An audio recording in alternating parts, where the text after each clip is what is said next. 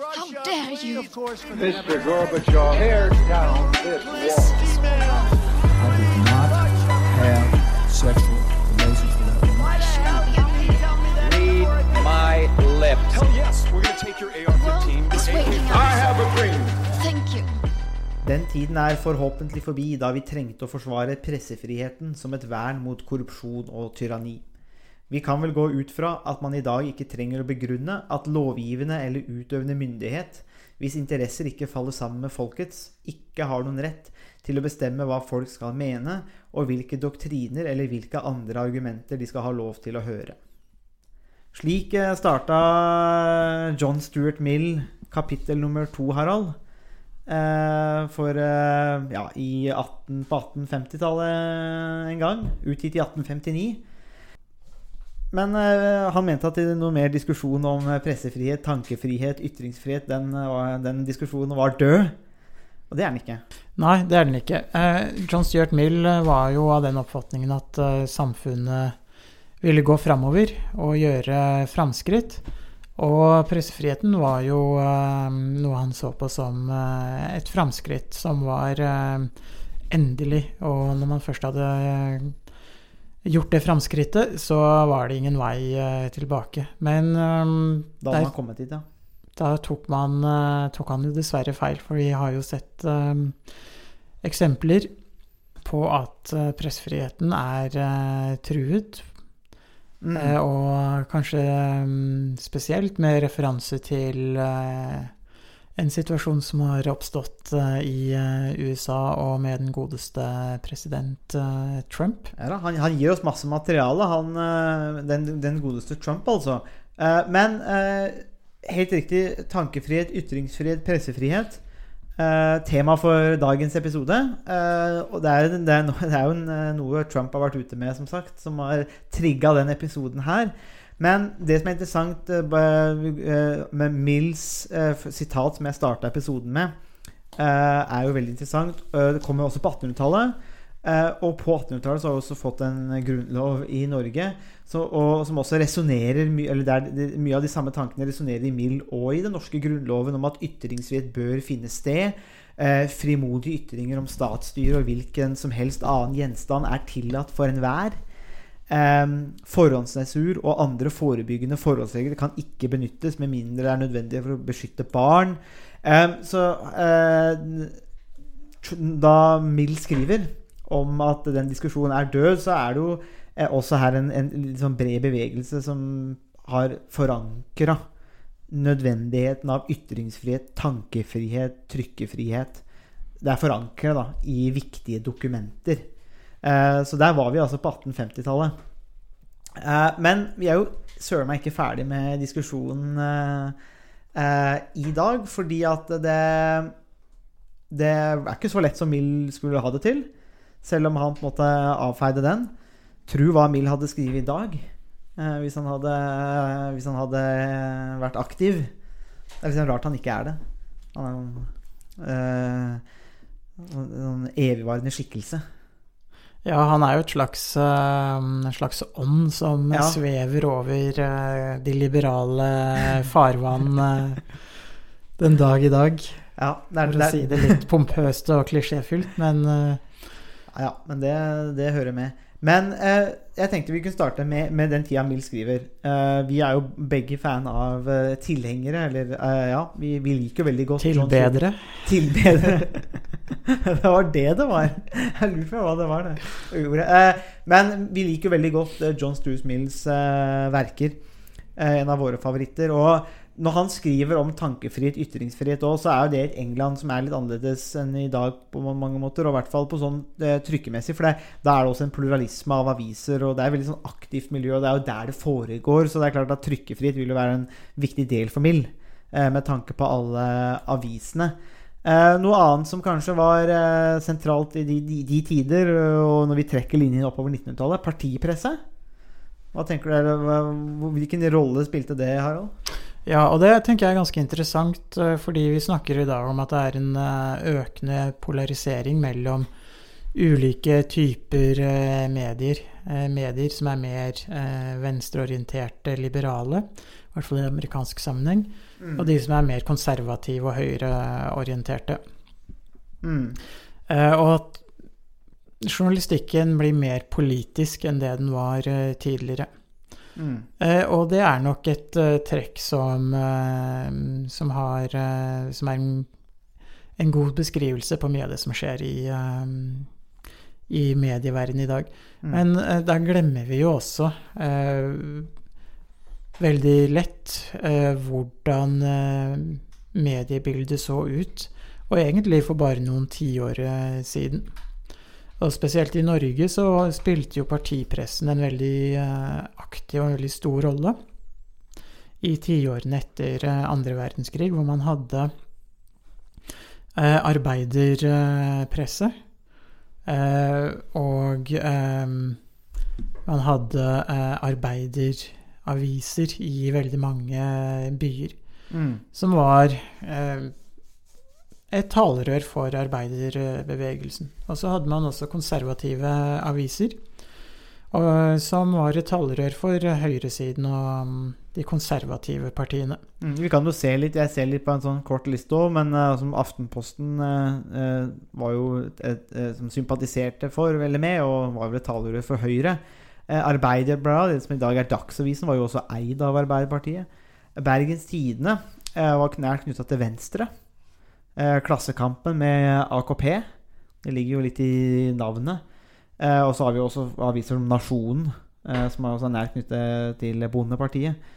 Eller Senterpartiet.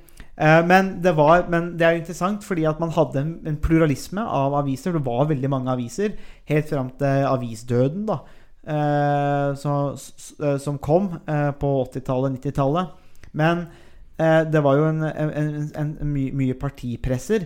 Det som er interessant med det, var at det var jo pluralisme. Dvs. Si det var mange ulike aviser å velge mellom. Eh, og en form for polarisering, men samtidig visste man jo hva man fikk. Så Hvis man kjøpte Arbeiderbladet, Arbeiderblad, så visste man jo Ok, da, du, visste jo hvilke type vinklinger du ville få på de redaksjonelle sakene. Og gikk du til Aftenposten, så visste du nøyaktig hva du ville få. Det er jo egentlig litt sånn ærlig og fint, det òg. Ja, på en måte så er det ærlig, eh, men samtidig så Hvis man skal bruke begrep som sannhet, eh, så um, er det jo også kanskje litt altså, På en måte tvilsomt, fordi man får én versjon fra arbeiderpressen, én versjon fra høyrepressen. Og så skal man da som borger gjøre seg opp en eh, formening om et samfunnsspørsmål, så får man to veldig fargede fremstillinger. Så det er, jo, det er jo også et spørsmål om hva er det som altså, Hvilken side er det som uh, har rett? Eh, og uh, finne Altså, man kan jo ofte si at sannheten finnes et sted midt imellom. Men det er jo også ofte en slags forenkling av virkeligheten. For hvis man da bare kommer med ekstreme nok utsagn, så kan man si at ja, midt imellom Ja. så er eh, sannheten, og så har man kanskje da trukket og flytter grensene eh, gradvis. Og det er jo kanskje noe av det som, eh, som jeg tenker er eh, bekymringsfullt i dagens polarisering, hvor man ser at eh, ytringene blir mer og mer på en måte ekstreme, og de flytter seg til ytterkantene av venstre- og høyresiden. Mm. Og at man da forsøker å flytte med det flytte gjennomsnittet eller median, eller hva, man, hva slags eh, begrep man vil bruke for å finne midten. Så man forsøker å flytte gjennomsnittet samtidig. Eh, og det tenker jeg er et eh, eh, en, en grunn til, eh, til bekymring, som egentlig er med på å øke polariseringen, fordi at begge sidene er egentlig mer opptatt av å eh, skape, eller flytte Flytte eh, synspunktene til sin side, trekke de over på sin banehalvdel. Mm, Jeg tenker kanskje at eh, på en måte det er veldig interessant det du trekker opp med det med at det, om, Hvis vi skal begynne å snakke om hva som er sant For med en gang vi begynner du trekker inn begrepet hva er som er sant eller sannhet, da er vi rett i det som er dagens debatt, nemlig om fake news som kom med Trump. For noe som er fake, er jo falskt. Og det er jo da en dikotomi her, en forskjell altså, mellom det som er sant og det som er falskt. Og det er jo ofte en litt sånn vanskelig linje noen ganger å trekke, og hva er det som egentlig er det? Og det jeg tenker er at eh, på en måte så var En ting som kanskje var greiere i partipressenes tid, var jo det at eh, det er helt riktig som du sier, at hvis man er opptatt av det med sannheten Men hvis man bare legger sannheten litt til sides og tenker at det ikke er det mest nødvendige, så er jo partipressene litt enklere i den forstand at eh, man får perspektiver på verden og samfunnet man lever i. Og så kan man kjøpe det eller være uenig, men det slipper unna eh, sannhetskravet. Eh, rett og slett fordi at de aldri utgir eh, seg for å gjøre det. Eh, veldig ofte så vil, man jo, vil, vil jo de som starta aviser, også være klare på at det er jo en form for propaganda. Eh, for å spre og for å opplære sine velgere eller sin klasse. da. Ja, og det, jeg tenker at eh, det kan være eh, problematisk på mange måter. Og hvis vi går tilbake til John Stuart Mill, eh, så var han eh, også svært opptatt av at eh, alt det man ser ute i samfunnet, og de ulike måtene folk lever på og tenker på og eh, handler på, er uttrykk for ulike måte, eksperimenter på hvordan man kan leve, hva som er en god måte å leve på. Og, og over tid så mente John Stuart Mill at samfunnet ville komme fram til en kjerne av ulike utsagn, ulike mm, påstander eller ulike forståelser som man ville betrakte som en slags eh, sannhet. Eh, og det var et, en nødvendighet for, å, for at samfunnet skulle skape framskritt, og gjøre framskritt, for å komme videre. Eh, og John Stuart Mill skriver jo i eh, opplysningstradisjonen fra slutten av 1700-tallet og mm, begynnelsen av 1800-tallet. Mm. Eh, Og er jo opptatt av hvordan samfunnet skal bli bedre, hvordan samfunnet skal gjøre framskritt, hvordan man skal ta skritt videre for å øke opplysningsnivået hos befolkningen, hvordan folk skal være i stand til å ta mer informerte valg og beslutninger. Og det er jo det her som kan være problematisk, både med en partipresse eh, og også med den polariseringen vi ser i, i dagens eh, samfunn, nettopp fordi at det tilslører mulighetene for samfunnet til å ta skritt videre. Og det må jo legges til at begrepet framskritt er jo i dag kontroversielt eh, i seg selv og gjenstand for mye diskusjon. Eh, men det er jo en annen diskusjon, og kanskje tema for en annen eh, podkast også. Men hvis vi i hvert fall tar Mill som utgangspunkt, siden vi begynte podkasten med, med Mill, så hvis vi tar utgangspunkt da i Mills sin forståelse og ønske om, om framskritt og kunne skape et bedre samfunn, så er jo nettopp partipresse og polariserte medier i veien. De står i veien for at folk skal kunne ta de informerte, eh, gode beslutningene. Så man trenger en presse som er uavhengig, og som du også var inne på i forhold til eh, Grunnloven, betydningen av en uavhengig og fri og sterk eh, presse. Mm. Det, det, er jo, det er jo vanskelig å på en måte argumentere mot det. Uh, for det er jo veldig tungtveiende, og det er jo på en måte det, kanskje det perspektivet som langt på vei har vunnet fram òg. Men uh, for å uh, For å gjøre det likevel. Ja, for, ja bare for å være vrang. Ja, vanskelig for å være vanskelig. Vanskelig for å være vanskelig. Typisk folk det en fra. Hallingdal. Det er en dygd, det. Det er en, en, en dygd når man er fra Hallingdal. Et spørsmål. Jeg er jo enig i det du sier eh, om, eh, om, eh, om jakten altså på, den, på en måte på sannheten, og at en partipresse kan stå i veien. Eh, I dagens samfunn, hva er forskjellen da, tenker du?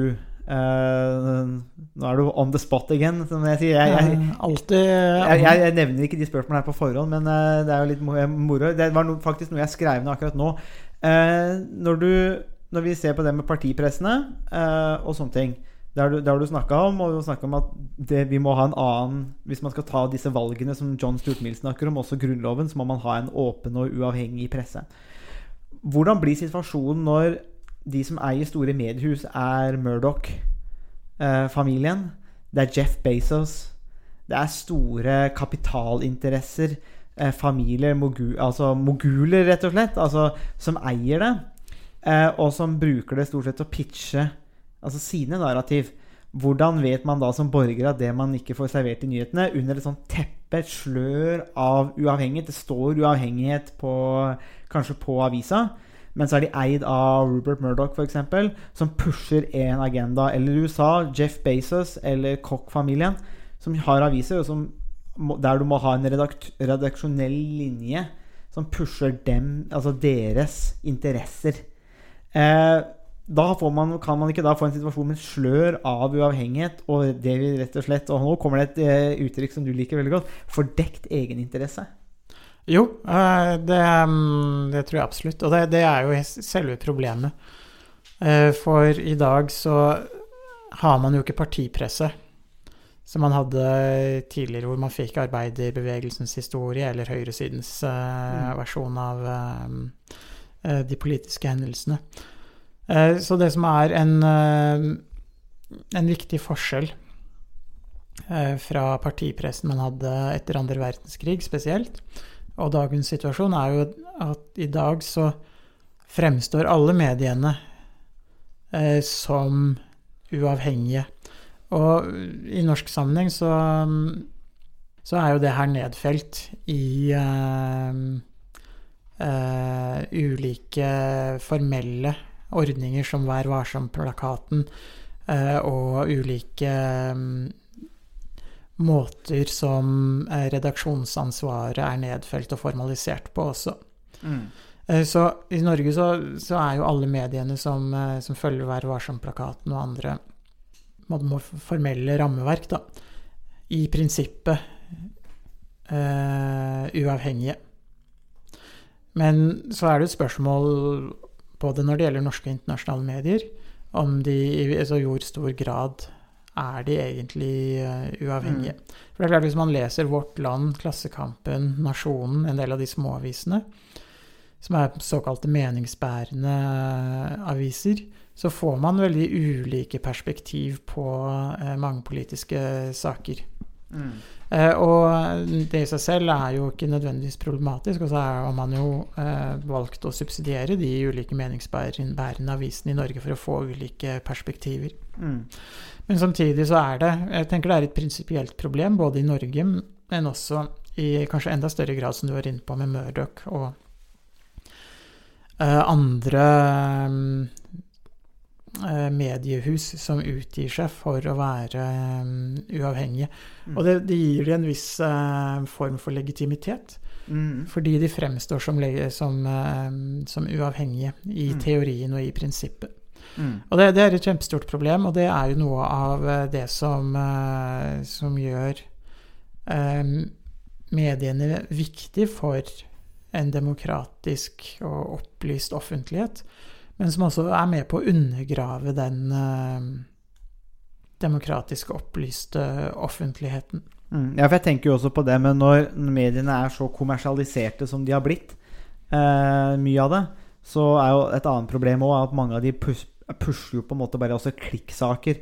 Eh, derfor så får man jo saker Hvis man går på VG, så vil man jo se at eh, nå har så og så meldt seg på Big Brother eller eh, Paradise Island eller gudene vet hva disse showene heter. Og, og det er mye sånn annet søl. Nå er vedkommende en sånn B-programleder gravid. Eh, og sånne ting. Og det er, altså det er jo totalt irrelevant, har jeg lyst til å si. Men det dekker jo fordi at folk klikker på det, og det gir annonseinntekter, og avisene trenger annonseinntekter. Så det blir på en måte nyhetene de pusher, da. Og det Ja. er et demokratisk problem, det Ja, for det, der, det vi snakker om, det er egentlig to ting. Det ene er jo eh, den måten som eh, eierne av mediehus bruker eh, mediene bevisst for å fremme eh, sin egen agenda. Mm. Eh, og det andre er jo me eh, medienes kommersialisering, som egentlig er et annet press. Ja. Og det, det kan jo, der kan det jo også være en spenning mellom det eierne av mediehusene mener personlig, og det som gir flest klikk eller mest eh, reklameinntekter. Eh, og vi har jo sett at det har jo vært enkelte så, eh, bedrifter, enkelte eh, selskaper, som har valgt å ikke annonsere i, nettopp i noen uh, aviser. Mm. Uh, fordi at de ikke ønsker å bli uh, assosiert med den politiske profilen som de eh, mediehusene mm, har. Mm. Mm, nei, det, det var jo det vi eh, fikk vi jo se var i fjor òg, med Resett og de tingene der. Men jeg tenker tilbake til litt det med, med fordekt egeninteresse. Eh, og det argumentet som jeg måtte anført i stad, eh, om at det er måtte slør av fordekt egeninteresse, og så gjemmer de seg bak den der uavhengigheten.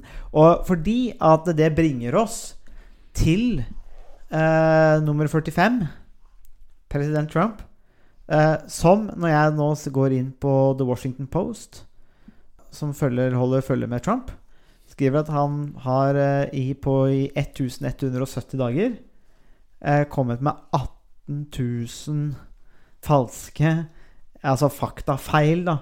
Eller bare informasjon som er bare er helt feil, da. Eller misledende. Feilledende, ja. Så det er jo Der har du han. Men det som er interessant, og som, det som jeg tenkte er fint å snakke om det med fordekt egeninteresse, det er jo nettopp det Trump eh, prøver, eller er det nettopp hans argument mot CNN, mot Washington Post, mot The Failing New York Times, er jo det at her er det en fordekt egeninteresse, og egeninteressen er jo mot han og mot folket, altså det amerikanske folket som han representerer.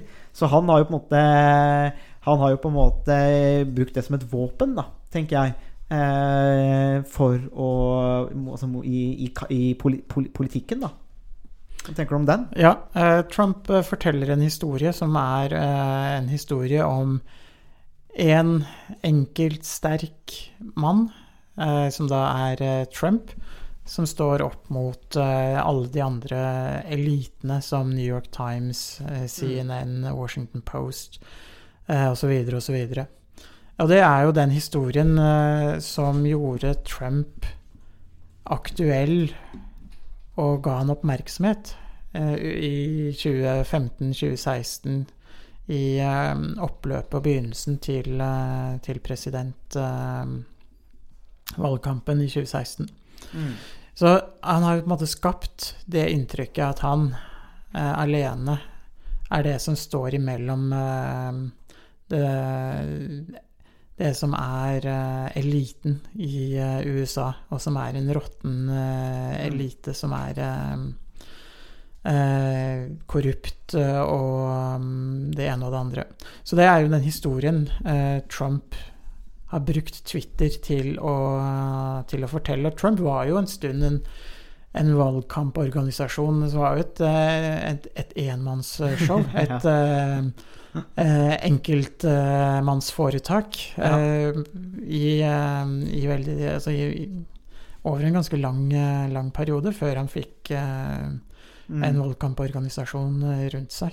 Mm. Det er jo Jeg tenker jo det, nettopp det der med det narrativet som han bygger opp om han som sterk mann, og det er jo populisme på det, noe av det mest klareste.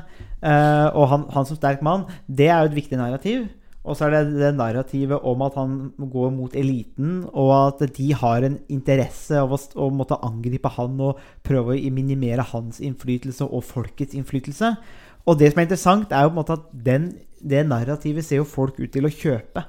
Altså mange nok, da. Mange nok amerikanere, altså majoriteten av de som stemte, stemte jo mot Trump. Men de som stemte, ser, der ser det budskapet ut til å resonnere nettopp det der med at det, det er en sånn elite som eh, gir seg ut for å være uavhengige, men som egentlig gir oss bare den informasjonen de mener vi skal få. Og så er det bare Men Trump, der er det rett fra levra. Eh, han står for det han mener, som eh, mange er så glad i. Og at det på en måte er en bedre plattform. Da. Og Trump har jo også sagt sjøl at man trenger ikke CNN eller New York Times eller andre. Man kan bare gå til Twitter, så får man stort sett den informasjonen de trenger fra han. da. Så det er jo et sånn dobbelt narrativ folk kjøper her, og det er jo veldig interessant at så mange kjøper alle de Ja, narrativene. Men, men jeg tenker Det er jo også altså hvor, Du sier det er interessant at folk kjøper det, men jeg tenker det som er interessant, er jo at han klarer å presentere det på en måte som gjør at måte, tilsynelatende så kan man fortelle historien på den måten. Ja. Altså, man, man, jeg, Nå må ingen mistenke meg for å være Trump-supporter, i hvert fall ikke så veldig sterk. Men poenget her er jo at sånn, den, sånn som det ser ut, da Sånn, så, ja, eh, Washington Post, eh, New York Times, CNN Hvem er det som leser de eh, publikasjonene, som ser på den TV-kanalen? Jo, Det er folk som man kan assosiere med eliten. Så kommer da den, den sterke mannen, personligheten, Donald Trump, og gjør motstand mot det som mange ser på som et slags nettverk for eliten. Så det her er jo liksom Hva slags perspektiv er det? Man, eh, man, ser, altså man ser på det samme bildet, men så ser man eh, et annet perspektiv. Så har jo alle sett de ulike bildene. Liksom ser man en gammel dame, eller ser man en ung dame eh, på en slags på en, på en sånn tegning? Så ja, her er det jo litt det samme.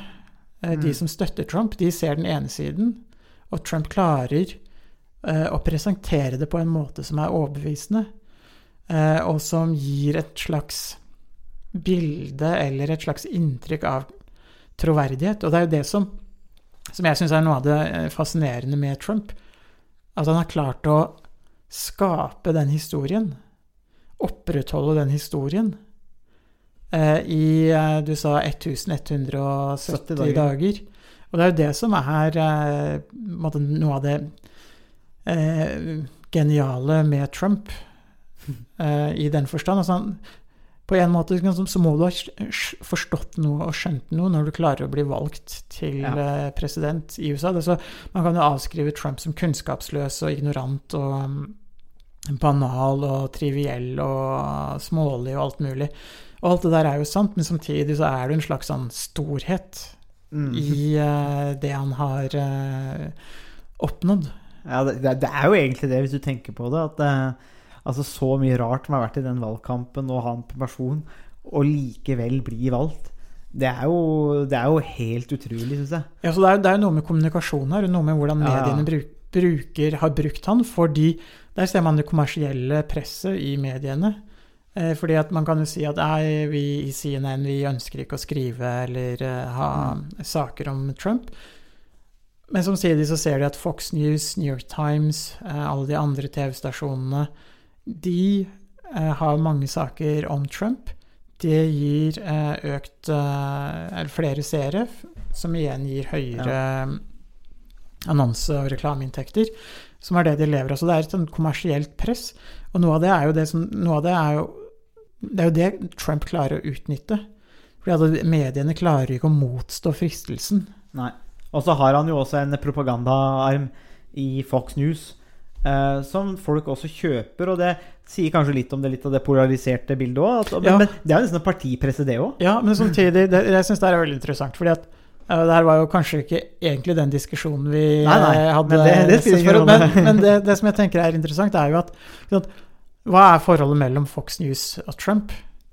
Eh, Fox News har jo tradisjonelt vært et litt sånn establishment eh, for eh, republikanerne, og Trump har jo, er jo ikke en re republikaner. Nei. Eh, og ehm, nå husker ikke jeg alle detaljene rundt eh, det her i altså, rundt 2014, 15, 16, da, eh, da valgkampen foregikk. Men sånn som jeg husker det, så var ikke Trump nødvendigvis en Hva skal jeg si, en slags sånn hoff... Nei. Eh, hoffmedlem hos eh, Fox News. Men etter hvert som Fox News så at mange eh, ga sin støtte til Trump, så ble de mer og mer velvillig innstilt Mm. overfor Trump. Fordi de så at det ville gi flere seere større oppslutning for Fox. Så dermed så ble det en slags gjensidig avhengighet mellom Trump, som trengte Fox, Ja. eh, for å bli valgt. Eh, Og Fox trengte også eh, å gi oppmerksomhet til den personen som velgerne hadde et sterkt ønske om skulle dekkes i valgkampen. Så dermed så ble det en gjensidig avhengighet, og noe av det som er kanskje genialt med Trump, er jo hvordan han klarte å se hvordan han kunne komme med innspill og utspill som gjorde at han ville bli eh, en helt sånn essensiell del av mediehverdagen og medievirkeligheten, hvor mediene ikke kunne ignorere han, men hvor, han ble, hvor det ble nødvendig Mm. eh, å ta hensyn til, eh, til Trump og gi ham eh, den oppmerksomheten han, eh, han forsøkte å få. Så, det, det, så der ser man noe av det spillet som er mellom politikerne på den ene siden eh, og mediene på den andre siden. Eh, Og Trump er kanskje en politiker som i mye større grad enn i hvert fall de eh, republikanske presidentkandidatene i 2016 hadde evnen til å bruke mediene til sin eh, fordel. Mm. Eh, Jeb eh, Bush, eh, lillebroren til eh, George. George, vår venn eh, George, Vår venn George. Hadde jo en veldig stor valgkamporganisasjon og var jo sett på Mm. som en, eh, en av de store favorittene i 2015-2016. Uh, og så kommer uh, enmannsbandet til uh, Trump, som egentlig bare har en eh, iPhone, som eh, de aller fleste av oss har, bortsett fra Sondre som ikke Ja. liker Apple. Hater Apple. Hater Apple. Ja. Så kommer Trump med en iPhone, og det er hele um, Ja. Enmannsshowet, som, og som klarer å, å få oppmerksomheten. Eh, noe som ikke Jeb Bush og den store valgkamporganisasjonen han hadde på det tidspunktet. Mm. Ja, det, det, er jo, det er jo helt klart at eh, hvor, hvor, enn man ser på Trump, hvordan man ser på det, så er det klart at eh, man må komme trekkende her med det, det, de- det kanskje den største europeiske tenkeren noensinne, Max Weber. Eh, Og hans eh, konsept om karisma. Men det er klart at her er det en karisma eh, ute og går som, som resonnerer. Og, det er, og det, er, det er karisma eh, måte, person, men også gjennom kommunikasjon. At det blir en sånn personlighet, og han måtte skape en sånn, litt sånn kult eh, om seg sjøl. Det er litt ut av, ut av læreboka til eh, noen autoritære, fascistiske regimer, kanskje. Men, Ja, men, men det er veldig interessant. det fungerer. Ja, og jeg syns det er veldig interessant at du trekker inn Max Weber, for alltid. Uh, ja, uh, uten tvil. Uh, for, for det som også er interessant med Max Weber, er jo um, hans syn på politikk som også som et kall. Mm. Så han har jo skrevet om karisma, på en måte den betydningen det har for autoritet og legitimitet, og det å kunne fremstå som troverdig. Samtidig så har han jo også formulert i noen tanker om altså, hva det vil si å være politiker, hvor man snakker om politikk som et kall, da, Mm. på samme måte som man kan snakke om, snakke om et religiøst kall. Mm. Eh, På engelsk så bruker man jo begrepet vocation, som kanskje er litt mer presist, eller som rommer litt mer av det, det som Weber eh, ønsker å uttrykke. Mm. Og det som er interessant med Trump, er jo at han er jo definitivt en politiker som ikke har noe kall. Så han Hvis vi bruker Weber, da, som på den ene siden snakker om karisma, Mm. som en, eh, en eh, viktig forutsetning for politikere. Eh, Og Weber snakker også om politikk som et kall, hvor Trump ikke har noen egentlig politiske overbevisninger i det hele tatt. Mm. Annet enn det som til enhver tid fremmer hans mm. posisjon. Mm. Så sånn sett så er det jo veldig interessant å se at, uh, at Trump scorer veldig høyt på karismaskalaen, men uh, er helt fraværende når det kommer til politikk som kall, eller politikk som uh, Mm. noe som er iboende i, altså i politikerne, noe de ønsker å oppnå og gjøre, annet enn å, um, å være president. Mm, ja, altså Weber òg kom ut fra en, en, en spesiell tysk tradisjon på slutten av 1800-tallet òg, hvor det å på en måte være i, i, i juss og det å være politiker var på en måte litt sånn, litt sånn høyverdig òg. han går jo litt, litt med sånn idealistisk eh, tanke om liksom at det her er et kall. og da gjør man, Han, snakker jo også om det for forelesere og sånn som oss, da, at vi bør ikke ta penger. Så han er jo mot systemet hvor eh, vi som forelesere da, eh, har forelesninger, og så konkurrerer vi om å få mest mulig studenter på markedet her i Halden. Da. Fordi han er redd for at det vil da føre til at, eh, eh, at vi bare kommer til å bli populistiske. Da. Hvem er det som kommer til å si det mest crazy tinga for å få flest mulig folk inn i forelesningssalen, slik at vi tjener penger? Så det er litt sånn idealistisk syn, men, jeg, men det er absolutt en veldig god, uh, god vinkel. Det er, det er uansett en sånn god uh, ja, altså det er ikke et kall, men veldig høy karisma og ting som Weber mente var viktig. Men eh, nå har vi snakka mye om de tingene. Vi kan jo avslutte med bare det som henter litt der. fordi vi, snakket, vi begynte med Mill. Snakka litt om pressen, og der er det et redaktøransvar. altså Hver avis har jo en, en redaksjonell agenda. Eh, og med partipressen så var det veldig greit, ikke sant? fordi at man kunne liksom legge eh, legge det her eh, hvem, er det man, eh, hvem er det som skriver eller får innlegg? Og det blir jo ofte sånn propagandadel. Eh, og jeg vet både Klassekampen, men også Dagsavisen eh, kjører eh, jevne spaltister fra Civita, som det er en mer sånn høyreliberal tankesmie. For å prøve å liksom ha den samtalen litt gående. Men poenget er at det er et redaksjonelt ansvar. Men det som skjedde med ja, Kanskje i hvert fall for ti år siden, eller ja, litt mer enn ti, ti år siden, da, men eh, 10-15 år siden altså Sosiale mediers fremvekst. Eh, og da også Twitter. fordi at eh, du har jo nevnt at eh, Trump har jo brukt Twitter til den store gullmedalje og nesten vunnet en valgkamp på, på Twitter. Men der er det jo ikke noe redaksjonelt ansvar. Og der har jo på en måte vært problemet. Og problemene starta jo da eh, Twitter merka to av meldingene til eh, Trump som villedende. Eh, han tweeta sånn som han alltid gjør, og så la de til en sånn liten sånn markering i bånd og la til en lenke med riktig informasjon, fordi Trump mente at eh, stemmegivning per post ville føre til valgfusk. da. Eh, og så svarte Trump med å true med å stenge sosiale medier. Eh, og så har på en måte det her gått da. Twitter er tydeligvis venstreorienterte.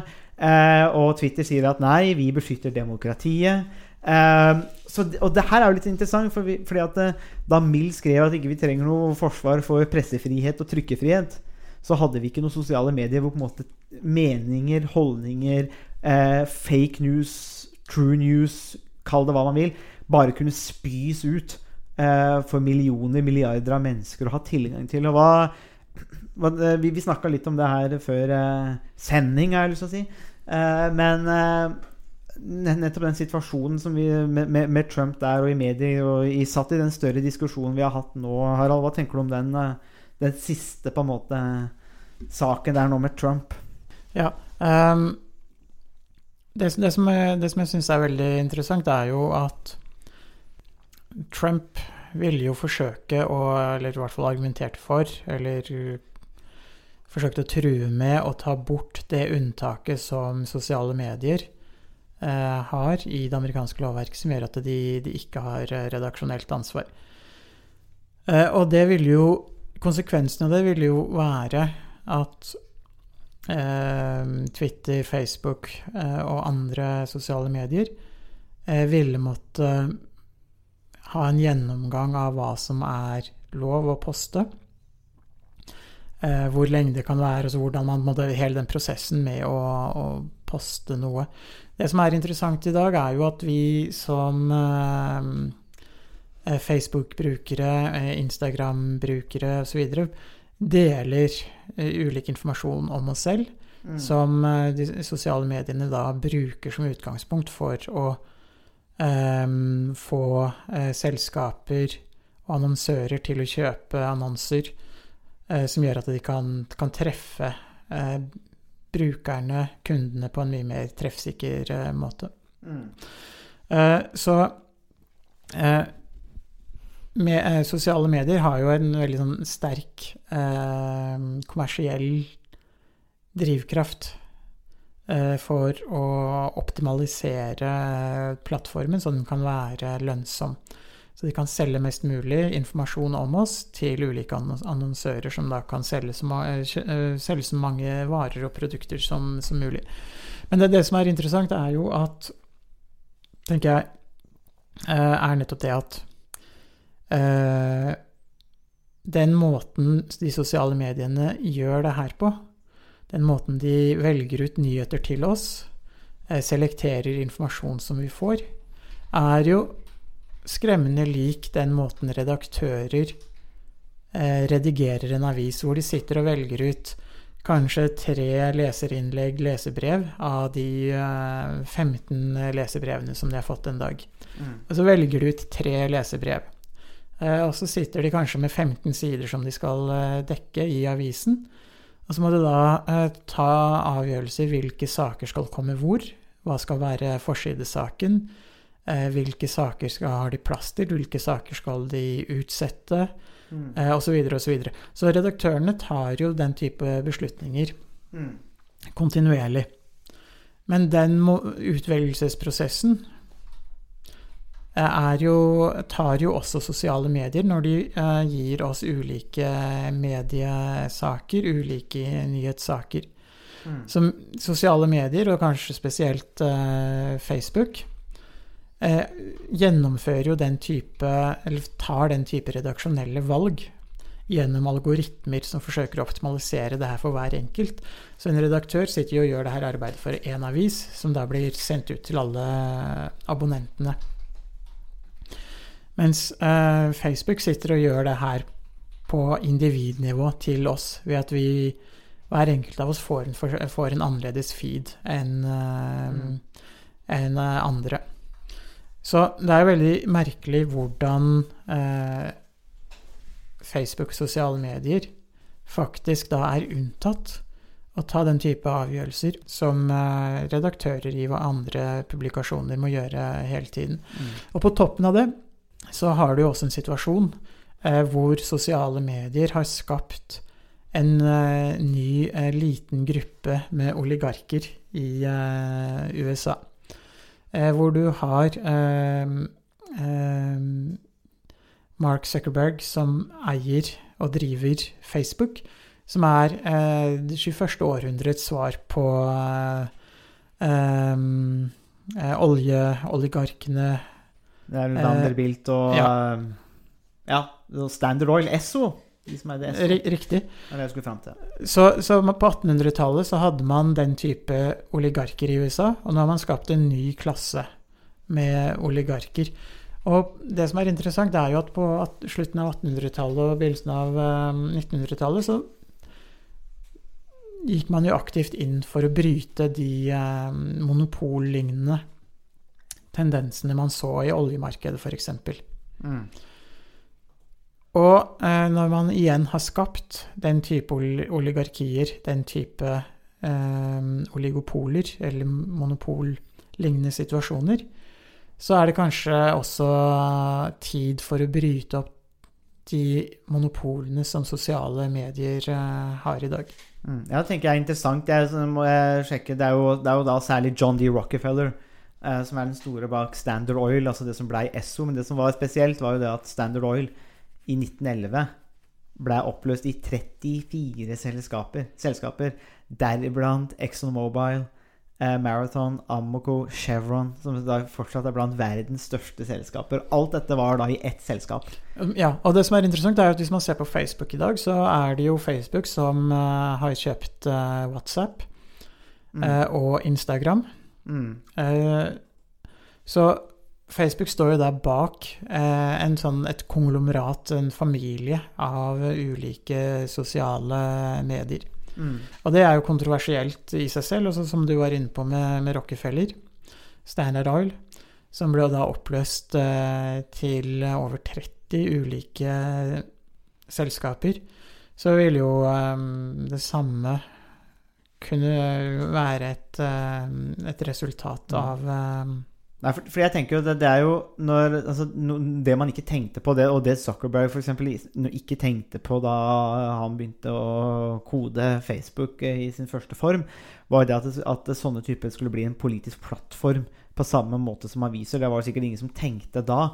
Og har jo kanskje ikke utviklingen måtte fulgt etter. fordi at eh, sosiale medier for, for de aller fleste handler jo om å legge linker til kattevideoer. Eh, og mye annet sånne typer Skal ikke gjøre narr av kattevideoer. Gjør ikke narr av kattevideoer, eh, som det heter på den eh, fantastiske dokumentaren på Netflix, 'Don't Fuck With Cats', eh, som jeg anbefaler at alle ser. Det er en ufattelig kul dokumentar. Eh, spennende. Men eh, Så katter skal man ikke tulle med, og ikke kattevideoer. Eh, men, eh, men det, det jeg tenkte skulle si, eh, var det at eh, det er en forskjell på det, som er det, det de aller fleste kanskje bruker det til. Og kanskje vi poster linker til podkaster som man lager. Eh, Noen av oss, i hvert fall, Harald. Men det er eh, forskjell på det og verdens mektigste mann. Og det er jo kanskje der kanskje litt av konflikten kommer inn. fordi at ja, man kan tvitre om hva som helst og dele videoer og filmer og, og alt mulig og tvitre til hverandre. Men det er klart at det, det er, man kommer inn i en annen situasjon når man har verdens mektigste mann som bruker en sånn plattform. Eh, og, og, den, og så kan man si ja, men du må jo få lov til å tvitre det man vil. Ja, men samtidig så er du verdens mektigste mann, og det kommer egentlig et ansvar med den jobben. Eh, skulle man tro. Eh, og sånne ting. Jeg lurer på om kanskje det er kanskje derfor man har havna litt i trøbbel òg. At man har, det, har- på en måte vært litt sånn vill vest eh, av av de sosiale mediene. Og så med Trump så ble det sånn at ok, men da kom også politikerne etter. Eller da ble det en viktig arena som man kanskje ikke hadde forutsett. Men hvis det er vill vest, og kanskje, kanskje det er en fin eh, måte å avslutte podkasten på, eh, eller man er i den situasjonen, hva skal man gjøre? Hva, hva tenker du på en måte er veien framover? Altså, eh, Trump som blander seg inn og nesten sier at han vil stenge Twitter eller andre medier, det er jo et sånt fryktelig drakonsk eh, og autoritært forslag. Men hva er på en måte løsningen? Når man, altså er, må man ha et redaksjonelt? Er det riktig å Twitter å markere en del av meldingene til Trump med at det her er falsk informasjon? Eller er det da sensurering? Eller hva, hva tenker du på en måte er eh, riktig å gjøre da framover med sosiale medier og sånne type ytringer? Så lenge sosiale medier er eh, politiske plattformer, eh, så, og så er de også en del av det politiske systemet, på samme måte som eh, mediene også er en del av det politiske systemet. Man snakker jo ofte om mediene som den fjerde statsmakt, Mm. eh, som, skal, som har en viktig rolle i å stille politikerne til, eh, til ansvar eh, for det, de, eh, for det de gjør. Og problemet er jo at eh, sosiale medier, medier ikke tar det ansvaret som følger med det å være en del av det politiske systemet. Så de får alle fordelene Mm. med å være en del av det politiske systemet. Så de får en plattform som er eh, potensielt eh, veldig lønnsom. Man ser jo også hvordan eh, Google, Facebook har blitt mye mer dominerende på annonsemarkedet, både i Norge og internasjonalt de siste årene. Eh, Så det gjør at de, de spiller en viktig politisk rolle som de eh, ikke ønsker å ta. Og der har jo Mark Zuckerberg vært Mm. eh, et veldig godt eksempel hvor han sier at de, Facebook egentlig ikke er politisk, ikke ønsker å være politisk, eh, osv. Men samtidig så er det eh, en veldig sterk politisk eh, plattform. Så man kommer ikke unna det problemet, eh, eller den problemstillingen, at sosiale medier er er en del av det politiske systemet. Og da er jo spørsmålet, som du var inne på, hva skal man, eh, skal man gjøre? Eh, og der er det jo flere ting man, eh, man kan gjøre. Og- det som kanskje er nærliggende, er jo å se på hvordan man har løst den type problemstillinger tidligere. Og det er jo gjennom å oppløse monopol. Fordi sosiale medier, og da kanskje spesielt Facebook, og de, Facebook-familien med mm, Instagram Mm. og WhatsApp har et slags informasjonsmonopol. Og som eh, og de fleste eh, er jo enig i at det er ikke staten som skal bestemme hva slags informasjon eh, vi får. Men samtidig så kan man ha det samme argumentet overfor Facebook og andre sosiale medier. Det er ikke et monopollignende selskap som skal eh, ha som skal bestemme hva slags informasjon jeg skal eh, lese. Så derfor er det helt nødvendig å gjøre noe. Det å regulere er komplisert. Men det å eh, dele opp i underselskaper kan være en, eh, eh, et skritt eh, i, i riktig retning. Et annet skritt er jo å gi eh, sosiale medier også et slags eh, redaktøransvar som gjør at de blir ansvarliggjort. Problemet med det er jo at det vil antagelig føre til at aksjeverdien av selskapene vil eh, eh, stupe, i hvert fall på kort sikt. Mm. Eh, og det er jo i hvert fall noe som nummer 45, eh, Donald Trump, den 45. presidenten i USA, ikke er interessert i. Så her er det en veldig giftig blanding av politikk og eh, økonomi, men eh, det vil være helt nødvendig for å opprettholde ytringsfriheten. At man på samme måte som man ikke ønsker at staten skal eh, kontrollere oss, så vil vi heller ikke bli kontrollert av et monopollignende selskap. Det, er, det er jo fryktelig komplisert. Og så er hvordan skal man løse redaktøransvaret? Hvem skal gjøre det? Hvem bestemmer hva som på en måte er innafor der? Og skal det gjelde alle, eller skal det gjelde f.eks. utvalgte politikere? For eksempel? at man sier at nei, vi, de eneste vi har redaktøransvar på i Twitter, er kanskje verified eller sånne users. Altså folk som har fått den eh, blå krysset, holdt jeg på å si, som viser at de er verified, eller at de er ordentlige. Og at det på en måte er en form av en måte å, å ha et redaksjonelt ansvar. Kanskje det er måten du gjør det på. Eh, det er i hvert fall en, en, debatt som nok kommer, fordi at eh, det spørsmålet du reiser helt til slutt, eller mange av de spørsmålene vi har stilt her nå, det er ting som er veldig viktig for demokratiet. og så selv om Mill på en måte var ferdig med diskusjonen i løpet av noen få linjer i 1859, så er jo rett og slett situasjonen den at vi er ikke ferdige med den situasjonen. Vi kommer ikke til å bli ferdig heller. Så men det er uansett en, eh, en, god start. Vi kommer nok til å komme tilbake til her i en eh, seinere episode, selv om den her eh, ble en skikkelig lang episode. Så vi fikk dekket over mer enn det vi hadde planlagt. Det må vi bare si. Det er egentlig bonusmateriale for lytterne. Ganske mange minutter òg, egentlig. For vi, vi starta på et annet spor enn det vi hadde tenkt. Det, det, ble noen lange, litt snirklete omveier, men jeg tror vi kom, kom fram dit vi hadde ønske om å komme til slutt, i hvert fall. Jeg, jeg, tror det, altså. Så får lytterne bare bære over med oss. I don't know. My poll numbers are very good. You don't like to report them, but my poll, I guess we have a 48 today. We have a 51. We have very good poll numbers considering. Now, I have to tell you, if you people would give straight news, I'd be at 70. I'd be maybe at 75. But you don't give straight news, you give fake news. With fake news, I'm still winning the election. But if you gave serious, good news the way you're supposed to, I'd probably be at 70 or 75 based on the economy alone. Det var det vi hadde å by på i denne ukas episode av Statsvitenskap og sånt. Musikken er komponert av Robin Horvath, og Thomas Colato står for miksing og redigering. Du finner oss på Facebook, bare søk på statsvitenskap og sånt.